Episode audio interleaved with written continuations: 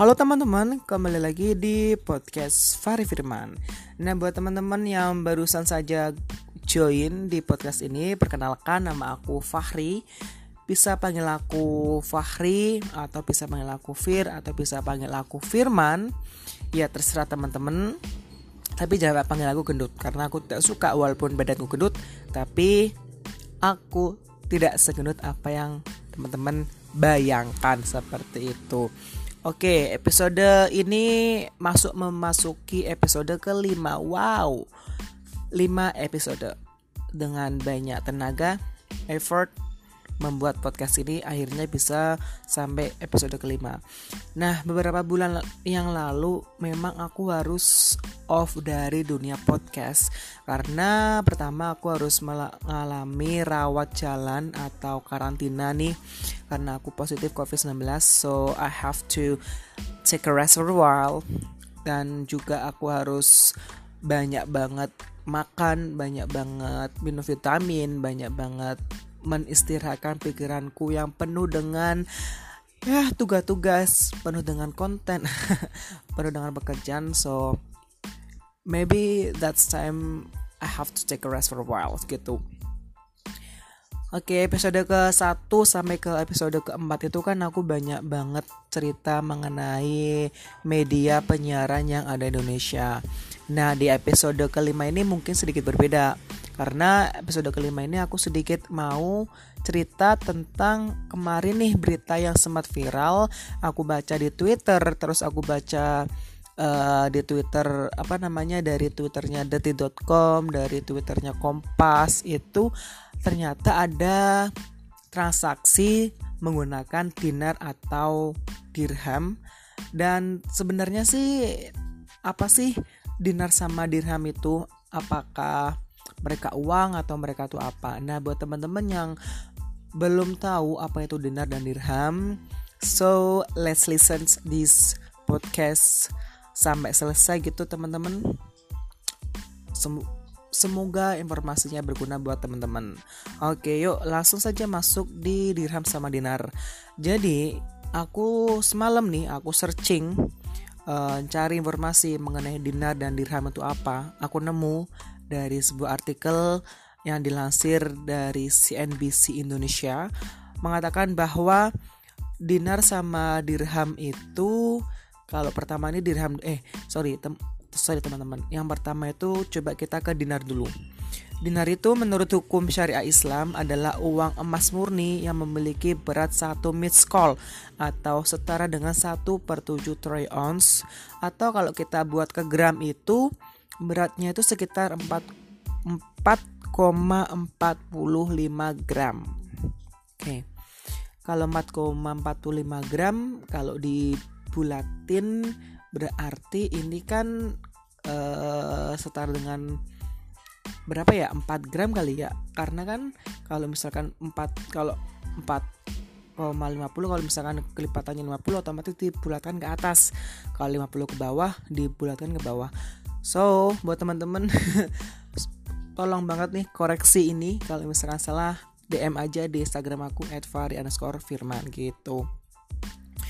Terus nih dengan dengan dirham, dirham itu kayak tadi kan kalau dinar itu kan mau apa ya uang emas gitu kan. Kalau dirham itu kebalikannya. Jadi dia tuh perak gitu. Nah perak memiliki berat nih. Nah beratnya itu sudah di standar distandarisasikan berdasarkan ketentuan Open Call Standard atau OMS ternyata kadar beratnya ini kadarnya ya kadar beratnya itu setara dengan 1 per 10 troy ounce atau setara dengan 3,11 gram. Gitu teman-teman. Oke.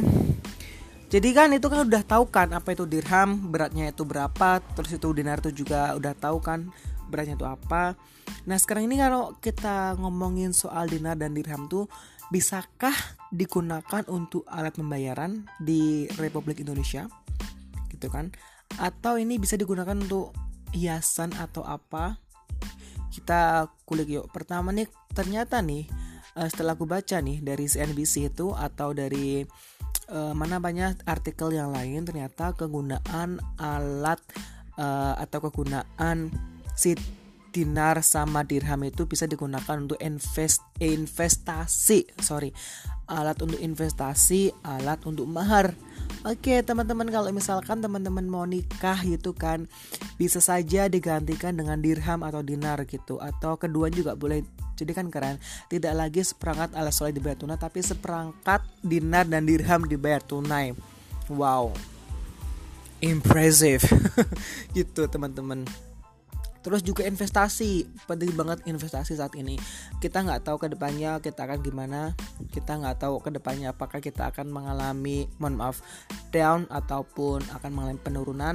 So investasi itu sangat penting banget di masa depan. Ketika kita ingin membutuhkan sesuatu, kita bisa jual nih dinar, dinar atau dirhamnya itu uangnya kita ambil, terus itu juga uangnya itu kita gunakan untuk membeli barang yang benar-benar kita butuhkan yang memiliki manfaatnya di jangka panjang gitu. Atau mungkin uang ini bisa kita gunakan untuk bisnis kembangkan terus gitu. Jadi nggak stuck gitu di tengah-tengah oke atau nggak stuck di akhir nggak punya apa-apa. So ya bagus banget untuk investasi. Seperti itu. Nah kalau ngomongin soal tadi kan bisa digunakan untuk mahar investasi. Gimana sih kalau kita gunakan untuk alat pembayaran, alat untuk uh, membeli barang ataupun uh, kita ingin membeli sesuatu membayarnya itu dengan menggunakan dinar atau dirham itu ternyata udah ada ketentuannya. Ternyata nih berdasarkan undang-undang yang aku cari gitu ya semalam gitu ternyata undang-undang pun sudah eh undang-undang pun juga sudah mengaturnya. Pertama nih ada Pertama ada Undang-Undang Nomor 7 Tahun 2011 itu intinya itu isinya mewajibkan menggunakan rupiah dalam setiap transaksi. Jelas kita hidup di negara Republik Indonesia, kita hidup di NKRI, di NKRI yang mana kita sudah setuju atau sudah diresmikan atau sudah disepakati bahwa kalau kita ingin berbelanja atau membeli sesuatu atau ingin membayar sesuatu kita menggunakan rupiah gitu teman-teman. Transaksinya tuh menggunakan rupiah apa pun itu. Tapi ada beberapa pengecualian gitu kan. Uh, tidak menggunakan transaksi rupiah seperti kayak jual beli internasional gitu kan atau uh, mungkin uh, negara-negara atau antar negara gitu kan mungkin tidak menggunakan rupiah gitu Terus juga ini udah diatur oleh Bank Sentral Indonesia atau biasa kita kenal dengan BI. Nah, BI itu kan ya mengatur gitu kan, uh, memiliki tujuannya untuk mencapai dan memiliki ini itu biar uh, tujuannya BI itu untuk menstabilkan nilai tukar mata uang gitu kan. Sehingga BI itu mengeluarkan beberapa peraturan untuk bisa uh, apa namanya menstabilkan nilai tukar rupiah. Nah, untuk menstabilkan itu ternyata sudah diatur nih di peraturan Bank Indonesia nomor 17 garis miring 3 garis miring PBI garis miring 2015. Nah, peraturan itu intinya itu mengenai kewajiban menggunakan rupiah di wilayah Indonesia. Sudah jelas itu ternyata Bank Indonesia pun juga mewajibkan nih untuk uh, melakukan transaksi di NKRI atau di negara Kesatuan Republik Indonesia itu menggunakan rupiah. Karena tadi kalau kita bisa menggunakan rupiah otomatis bisa membantu tujuan BI untuk menstabilkan nilai tukar mata uang rupiah. Nah, jika kita tidak bisa menstabilkan nilai tukar mata rupiah, apa sih yang akan terjadi teman-teman? Ternyata nih, jika kita tidak menstabilkan nilai tukar mata rupiah, maka yang akan terjadi itu seperti inflasi, dan defisit. Akibatnya apa sih? Misalkan kalau inflasi nih, akibatnya barang-barang tuh bisa menjadi mahal. Contohnya nih, beli uh, apa yang beli yang biasa kita beli misalkan beli telur katakan beli telur tuh satu kilogram misalkan itu 25.000 atau 22 22.000 ya kalau satu kilogramnya seperti itu misalkan aja nih contohnya Nah, misalnya kita kena inflasi, bisa jadi nih si apa namanya? telur itu yang harganya tadi 22.000 sampai 25.000 bisa jadi harganya 100.000 sekian. Bisa jadi 105 ataupun 100 berapa. Itu harganya benar-benar melonjak gitu. Ngeri kan? Terus ketika harganya melonjak otomatis akan merugikan pihak pedagang ataupun pihak yang ingin uh, membeli barang tersebut. Misalkan nih aku jualan, aku jualan harganya kok barang pokoknya aja udah mahal, aku mau dijual gimana gitu kan? Otomatis akan sangat kesusahan nih untuk para pedagang. Dan hal ini juga akan terjadi ketika defisit neraca perdagangan itu tidak stabil. Akibatnya hal ini hal tersebut itu tidak menguntungkan eksportir Nah, karena apa? Karena bahan bakunya aja udah mahal, tapi ketika sampai ke luar negeri kok marah, eh marah, malah harganya harganya itu murah. Otomatis kan tidak seimbangan dengan pengeluaran kita dan masukan kita. Sangat merugikan banget. So buat teman-teman kalau misalkan ingin gunain dinar ataupun dirham ya gunain itu buat investasi buat uh, akad nikah buat akad nikah buat mahar gitu. Jadi kan otomatis akan bisa lebih memudahkan teman-teman di masa datang. Seperti itu.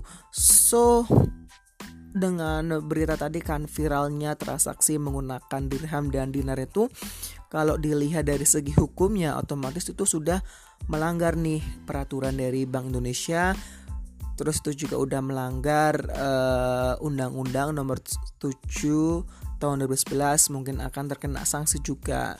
So sekali-kali gunakan dirham dan dinar itu untuk investasi aja. Jangan lebih dari itu karena untuk transaksi untuk kita ingin membeli sesuatu ya kita gunakan rupiah saja. Kita cintai produk-produk Indonesia. Gitu teman-teman. Lebih baik kita mencintai produk apa yang kita miliki. Gitu. Oke teman-teman. Terus sedikit cerita nih tentang kemarin kan viralnya uh, transaksi menggunakan jual beli dan ini dan dan ini juga opini aku teman-teman. Kalau teman-teman punya opini lain ya udah monggo share aja nggak apa-apa. Bisa langsung DM atau nanti Twitter nih di Twitter aku di @fahri uh, Firmans ada S-nya. Terus apa namanya bisa DM aja di Instagram aku @fahri underscore firman. Nah buat teman-teman yang mau sharing ceritanya atau punya cerita nih bisa share ke aku di email aku di @fahrifirmansyah.ff@gmail.com atau DM di Instagram aku @fahri underscore firman. So terima kasih buat teman-teman yang sudah mendengarkan podcast ini. Bye bye.